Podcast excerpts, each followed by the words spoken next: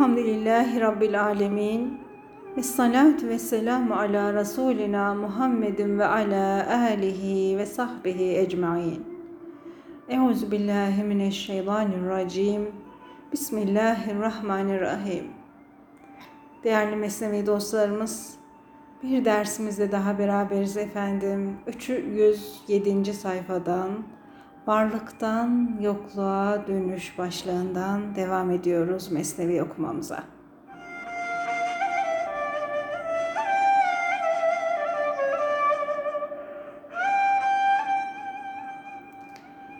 Ey kurtuluş yolu, kurtuluş çaresi arayan kişi, gözünü mekansızlığa yani zamandan da mekandan da münezzeh olan Allah'a çevir.'' Ölmek üzere olan bir adamın gözü nasıl ruhuna çevrilir onu izlerse sen de öyle yap. Bu dünya cihetsizlik aleminden meydana gelmiştir. Bu dünyaya la mekan, yersizlik aleminden muvakkat bir yer verilmiştir. Daha dünyadayken Allah'ı bulmak ve Allah'ın en yakını olmak istiyorsan var gibi görünen bu hayal aleminden, bu fani alemden bize yok gibi görünen mana alemine, sonsuzluk alemine geri dön.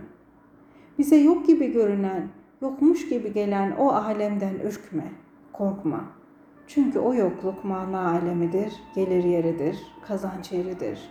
Şu var gibi görünen alem ise hayal alemidir, madde alemidir. Az çok masraf yeri, gider yeridir. Burada ömür harcanır.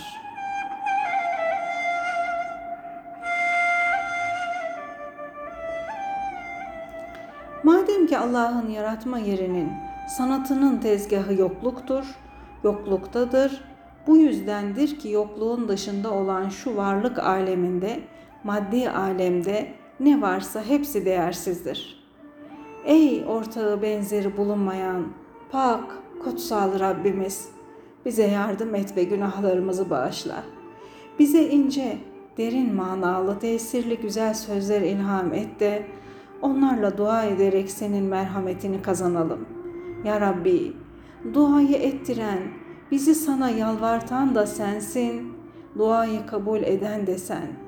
Ümit de, eminlik de, korku da, mehabet de senden gelmektedir.'' Ey söz sultanı! Biz yanlış söyledi isek sen düzelt. Her şeyin düzelticisi sensin Allah'ım. Allah'ım sende öyle bir kudret, öyle bir güç var ki onunla dilediğini dilediğin şeye çevirirsin. Kan ırmağı bile olsa onu Nil Nehri haline getirirsin. Bu çeşit kimyacılık işleri, bu çeşit çevirişler Şekilden şekle sokuşlar senin işindir, senin sırrındır. Allah'ım suyu toprakla karıştırdın, balçık yaptın. Balçıktan da Hazreti Adem'in bedenini meydana getirdin. Sonra Hazreti Adem'e eş yarattın, dayı amca yarattın. Ona binlerce düşünce verdin, sevinç verdin, gam verdin, keder verdin.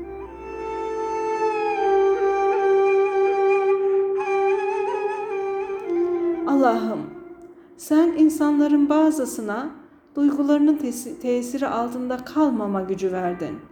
Onları hürriyete kavuşturdun. Onları gamdan da neşeden de ayırdın, azat ettin. Bu hale gelen mutlu kişileri kendilerinden de kurtardın, soylarından, soplarından da kurtardın. Onların gözlerine dünya güzellerini, güzellerini, güzelliklerini çirkin gösterdin.'' Bu saadete erenler duygu ile duyulanları yani görülen, işitilen, tadılan ve tutulan her şeyi istemezler de görünmeyene yani Allah'a gönül verirler. Böyle kişilerin aşkı meydandadır da sevgilisi gizlidir görünmez. Onlar için hariçte görünen sevgililer dünyada o gizli sevgilinin birer fitnesi, birer imtihanıdır. Fakat sadece gizli sevgiliye bağlanıp kalarak zahiri aşkı, mecazi aşkı da boş sanma. Çünkü görünen sevgiliye olan aşk sanıldığı gibi sadece şekle, surete yani bir kadının güzel yüzüne gönül vermek değildir.''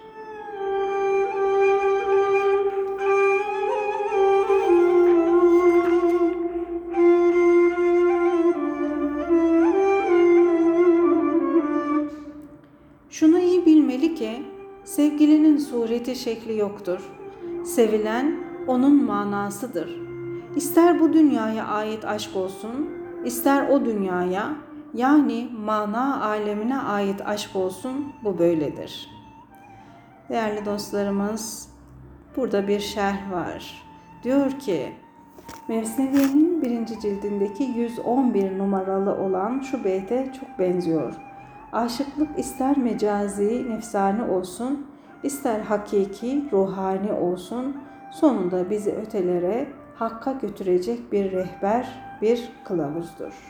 Evet, mecazi aşk da değerlidir. Yani değerli dinleyenlerimiz. Devam edelim. Eğer sen sevgilinin sadece bedenini sevsen, eğer şekle surete aşık isen, bir güzelin ruhu bedeninden ayrılınca neden onu bırakıveriyorsun? Neden onu götürüp gömüyorsun? Ne kadar çarpıcı bir soru değil mi değerli dostlarımız? Ya mecazi aşk diyorsun. Eğer diyor sadece sevgilinin bedenini seviyorsan o ruh ondan çıktığında neden götürüp gömüyorsun?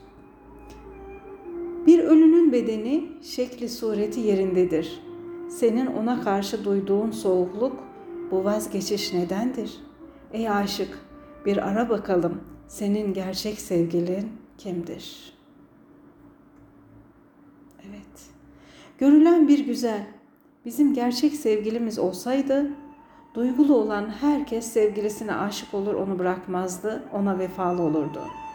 Vefalı olmak sevgiyi artırdığı halde nasıl oluyordu suret, şekil vefayı vefasızlığa çeviriyor.'' Güneşin ışığı duvara vurur. Onu iğreti olarak aydınlatır. Ey temiz yürekli saf kişi, ne diye bir kerpice gönül verdin? Sen hiç sönmeyen, nuru ebedi olan güzelliği aslı ara.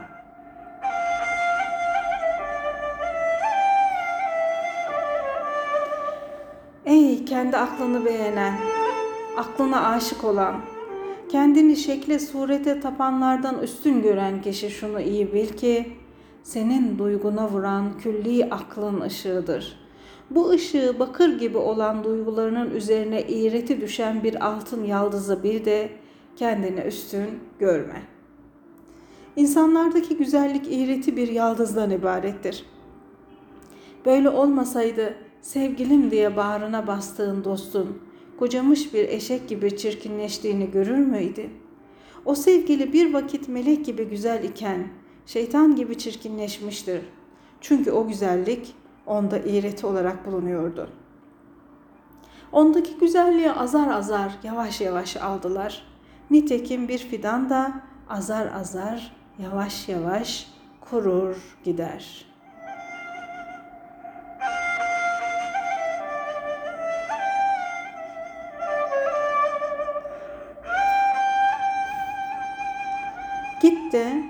Çok yaşattığımızın gücünü kuvvetini alırız ayeti kerimesini oku.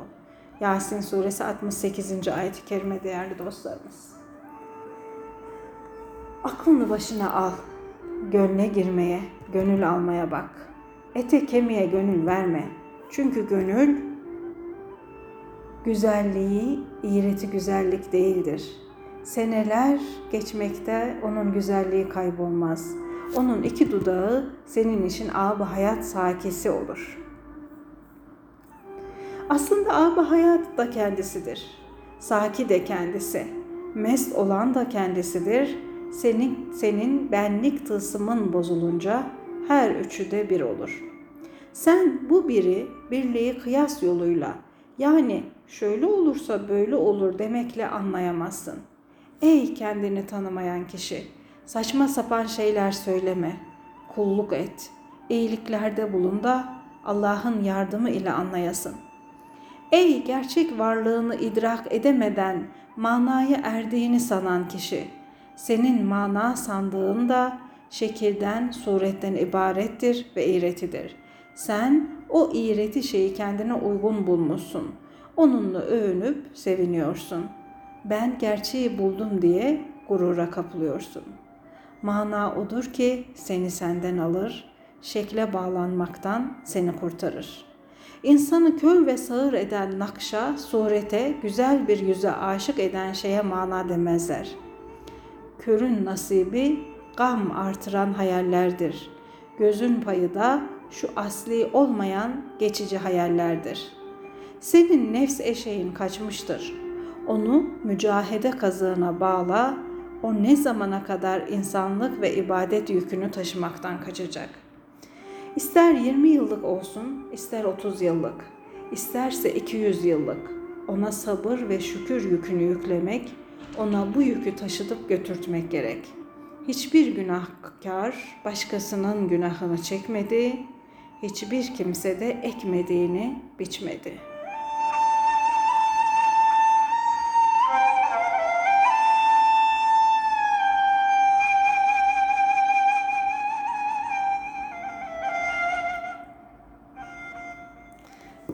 Değerli dostlarımız diyor ey dinleyenler senin nefs eşeğin kaçmıştır diyor. Ne zamana kadar insanlık ve ibadet yükünü yüklenmekten kaçacak nefs eşeklerimiz. Devam edelim. Hiçbir günahkar başkasının günahını çekmedi. Hiçbir kimse de ekmediğini biçmedi. Ekmediğini biçmeyi ummak hem tamadır. Ey oğul, ham bir şeyi yeme. Ham bir meyveyi yemek insana hastalık verir. Yani ekmediğimizi biçmeyi ummak, çalışmadan, didinmeden bir şeye kavuşabilmeyi ummak bir tamadır, bir hamlıktır ve ham bir şeyi yemek de insanı hasta eder diyor değerli dostlarımız.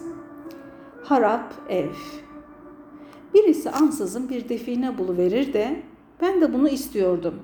İşte artık işle, güçle, dükkanla benim ne işim var diye düşünür. Define bulmak baht işidir. Böyle şey pek az bulur. Bedende güç kuvvet varken çalışıp kazanmak gerek. Çalışıp çabalamak define bulmaya engel değil ya. Sen işten güçten ayak çekme de kısmetse o da arkadan gelir.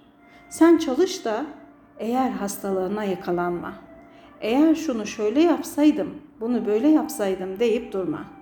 İnsanlarla hoş geçinen Peygamber Efendimiz de eğer demeyi men etti. O sözü söylemek münafıklıktan ileri gelir diye buyurdu.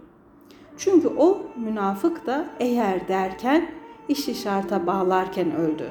Bu şarta bağlayıştan öbür dünyaya ancak hasret götürebildi. Garibin biri acele bir ev arıyordu.'' Bir dostu onu aldı, yıkık bir eve götürdü. O dost o garibe dedi ki, eğer bu evin çatısı olsaydı evin evime bitişik olurdu. Eğer evde bir oda daha olsaydı çoluğun çocuğun rahat ederdi. Garip evet dedi. Dostların komşuluğu hoştur fakat azizim eğer de yani olsaydı bulsaydı kelimelerinde de oturulmaz ki. Eğer de de oturulmaz ki diyor. Bütün dünya hoşluk ister. Yani hoşça vakit geçirmek arzusundadır. Onu hazırlamak ve bulmak için ateşte yanmakta, çok mihnete katlanmaktadırlar. İhtiyar olsun, genç olsun, herkes altın ister. Fakat herkesin gözü sahte parayı altından ayırt edemez ki. Ayarı halis altın, sahte altının üstüne bir ışık salmış, bir parlaklık vermiştir. Sen onu gör. Fakat mihenk taşına vurmadan yalnız zanna kapılarak altın seçmeye kalkışma. Eğer mihenk taşın varsa yani şeriat ahkamını Hz. Muhammed'in gerçek yolunu biliyorsan, kendisine uyacağın kişinin davranışları şeriate uygun bulunursa onu kabul et. Yoksa git de kendine alim ve arif bir zata teslim eyle, onun mihengi ile denemeye giriş.'' Evet, evet değerli dinleyenlerimiz mutlaka Allah Teala'nın emirlerini, farzlarını, yasaklarını, haramlarını ve peygamberimizin sünnetini bilmeliyiz. Bizim mihenk taşımız da budur. Ve bu ölçülere uyan bizim başımızın tacıdır. Ama bu ölçülere uymuyorsa, isterse denizin üzerinde yürüyor bile olsa ondan uzaklaşmamız lazım. Devam edelim. Aslında insanın kendi içinde ruhunda bir irfan mihengi, bir vicdan mihengi olmalı. İyiyi kötüyü kendisi ayırt edebilmeli. Gönlünün pusulası gerçek yönü göstermiyorsa, böylece kendi başına yolu bulamıyorsa sakın yalnız başına yola çıkma. Gerçek bir yol gösterici bir mürşit ara. Çünkü yolda gülyabaniler vardır. Onların sesleri bildik ve tanıdık seslerine benzer. Bu sahte dost sesleri seni mahvetmeye, yok etmeye çağırır.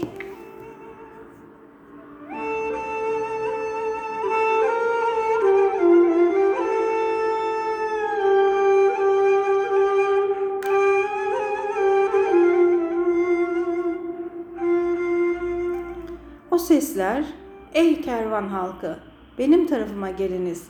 Yol bu yöndedir, işte şuracıkta diye seslenirler. Gulyabani, kervan halkını yok etmek, onları da daha önce yok ettiklerine katmak için her birinin adını ey filan, ey falan diye birer birer çağırır. Yolcular o sese aldanıp da çağrılan tarafa gidecek olurlarsa bakarlar ki karşılarında kurtlar var, arslanlar var. Ömürleri kaybolup gitmiş, yolda uzak mı uzak. Gün de bitmiş, akşam olmuş. O Gülyabani'nin sesi nasıldır? O ne diye bağırır? Bir de onu söyle. O gönül gulu, nefsi emmare, mal isterim, mevki isterim, şeref isterim diye bağırır durur. Sen aklını başına al da kendi içinden sana seslenen gönül guluğunun, gül yabanisinin, nefsi emmarenin sesini yatıştır, sustur da sana bazı sırlar, gizli sesler duyurulsun, açığa vurulsun. Allah'ı zikret de gül yabanilerin seslerini yak yandır. Nergiz gibi olan gözlerini akbaba gibi mundar bulunan dünyaya karşı kapa.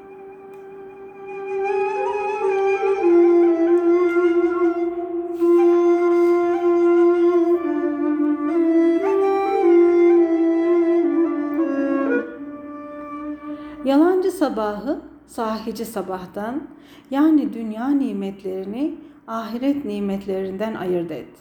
Şarabın rengini kadehin renginden, mana kokusunu ve rengini suret kasesinden bilme. Böylece sabırla ve sebatla yani ayak direyişi ve dayanışı ile cisimlerin yedi rengini gören baş gözünden başka bir gönül gözü elde edersin. İbadet ederek, iyilikler yaparak, halka hizmet ederek elde edeceğin bu gönül gözü ile bu gördüğün çeşitli renklerden başka renkler görürsün. Adi taşlar yerine inciler, mücevherler seyredersin. İnci de nedir ki? Sen kendin deniz olursun, göklerde seyreden, gezip dolaşan güneş kesilirsin.''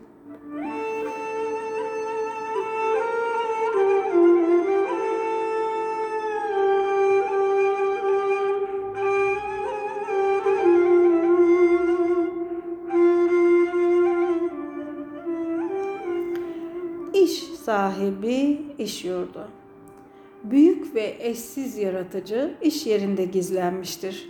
Sen git de onu iş yerinde, ayağın sabite mertebesinde tefekkür et.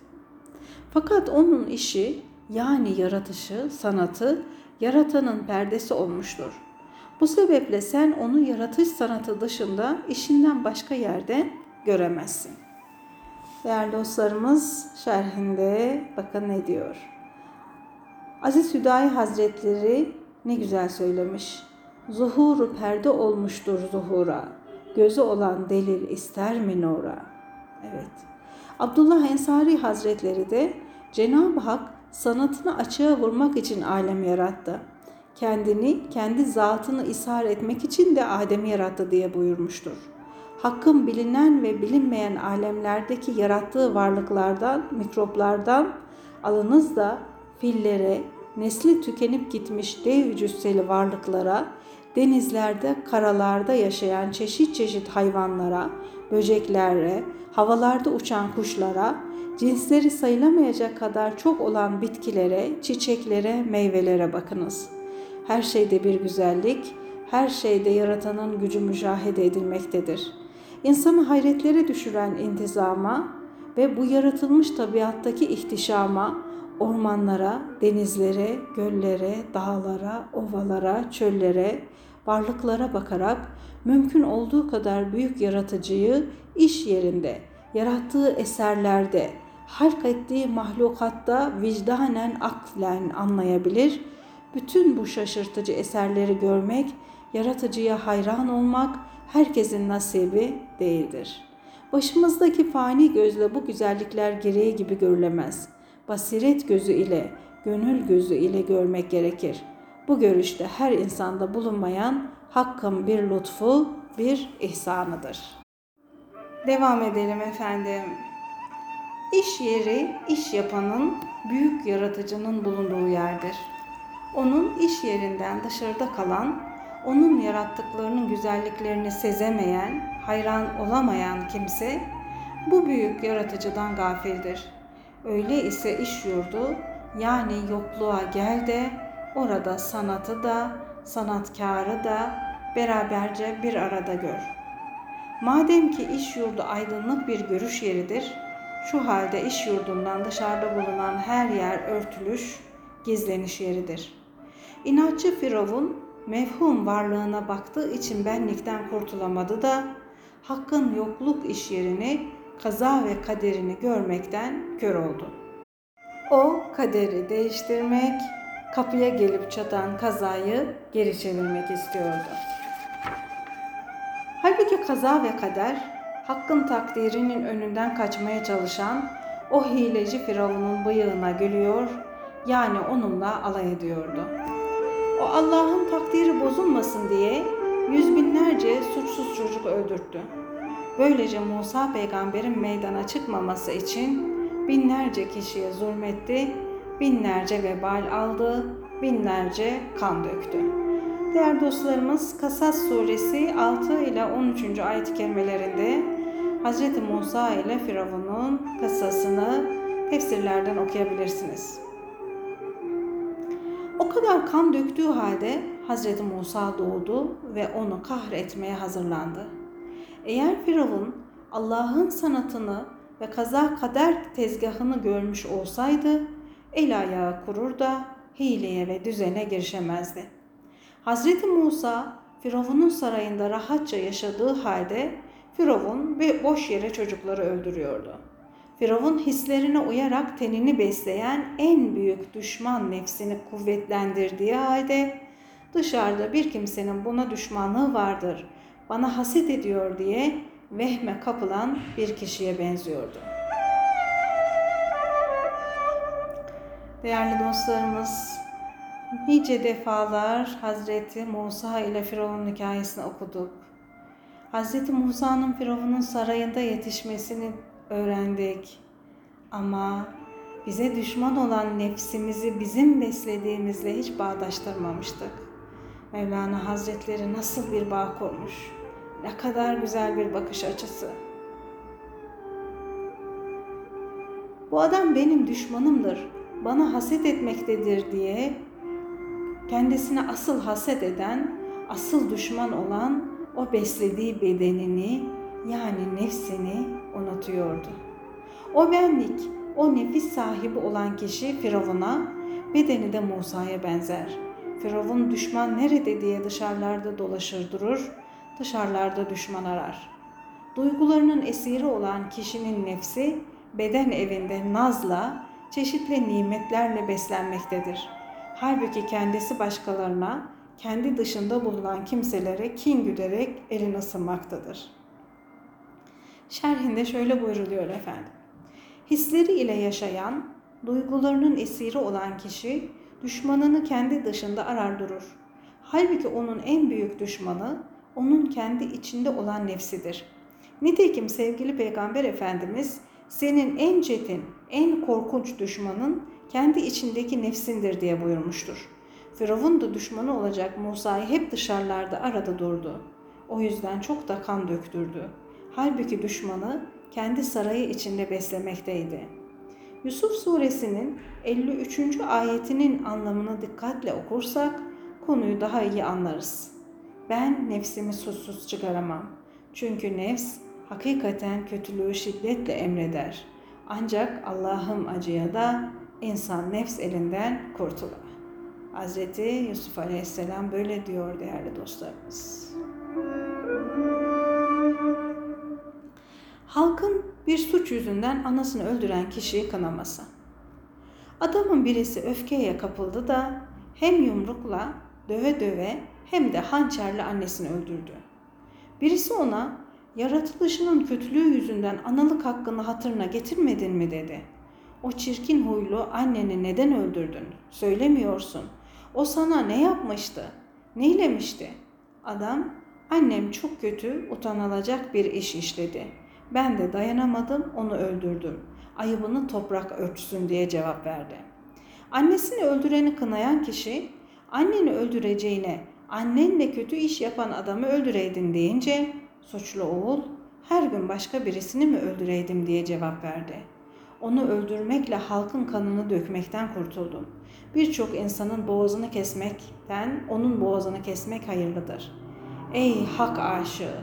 Bu hikayede geçen kötü huylu anne senin nefsindir. Senin nefsinin sembolüdür. Onun kötülükleri, fesadı her tarafa yayılmıştır. Aklını başına al da o kötü nefsi öldür. Çünkü o kötü nefs yüzünden her an bir aziz varlığa kastediyorsun. Onun yüzünden bu güzelim dünya sana dar geliyor. Onun yüzünden hak ile de halk ile de savaşıyorsun. Değerli dostlarımız, hak ile savaşmak, Allah'ın emirlerini dinlememek, onun yapma dediğini yapmak, adeta onunla savaşa girişmektir. Onun kaza ve kaderine razı olmamaktır. Halk ile savaşmak ise insanlarla hoş geçinmemek, elinden dilinden herkese bıktırmaktır. Peygamber Efendimiz elinden dilinden Müslümanların selamette kaldıkları kimse gerçek Müslümandır diye buyurmuştur. Evet, onun yüzünden güzelim dünya sana dar geliyor. Onun yüzünden hak ile de halk ile de savaşıyorsun. Burada şerhte Kaside'deki, Kaside-i Bürde'deki bir beyitten bahsediliyor değerli dostlarımız. Diyor ki, nefs memedeki çocuk gibidir. Onu ihmal edersen, yani zamanı gelince memeden kesmezsen büyür gider de yine meme emmek ister. Fakat zamanı gelince memeden kesersen o da süt emmekten vazgeçer. Devam edelim. Nefsini öldürür. Yani onun isteklerini hiçe sayar. Onun sözünü dinlemezsen yaptığın hatalardan dolayı şundan bundan özür dilemekten kurtulursun. Yaşadığın memlekette hiçbir düşmanın kalmaz diyor Mevlana Hazretleri değerli dostlarımız. Nefsimizin elinde bir an bile Allah Teala bırakmasın. Rabbim en büyük düşmanımız olan, en büyük harbimiz olan nefisle mücadelemizde bizi hep başarıyla çıkabilmeyi nasip eylesin. Bizi de, evlatlarımızı da, sevdiklerimizi de nefsin ve şeytanın şerlerinden, fitnelerinden, onlara uymaktan Allah Teala muhafaza etsin. Allah yar ve yardımcınız olsun efendim. Allah'a emanet olun.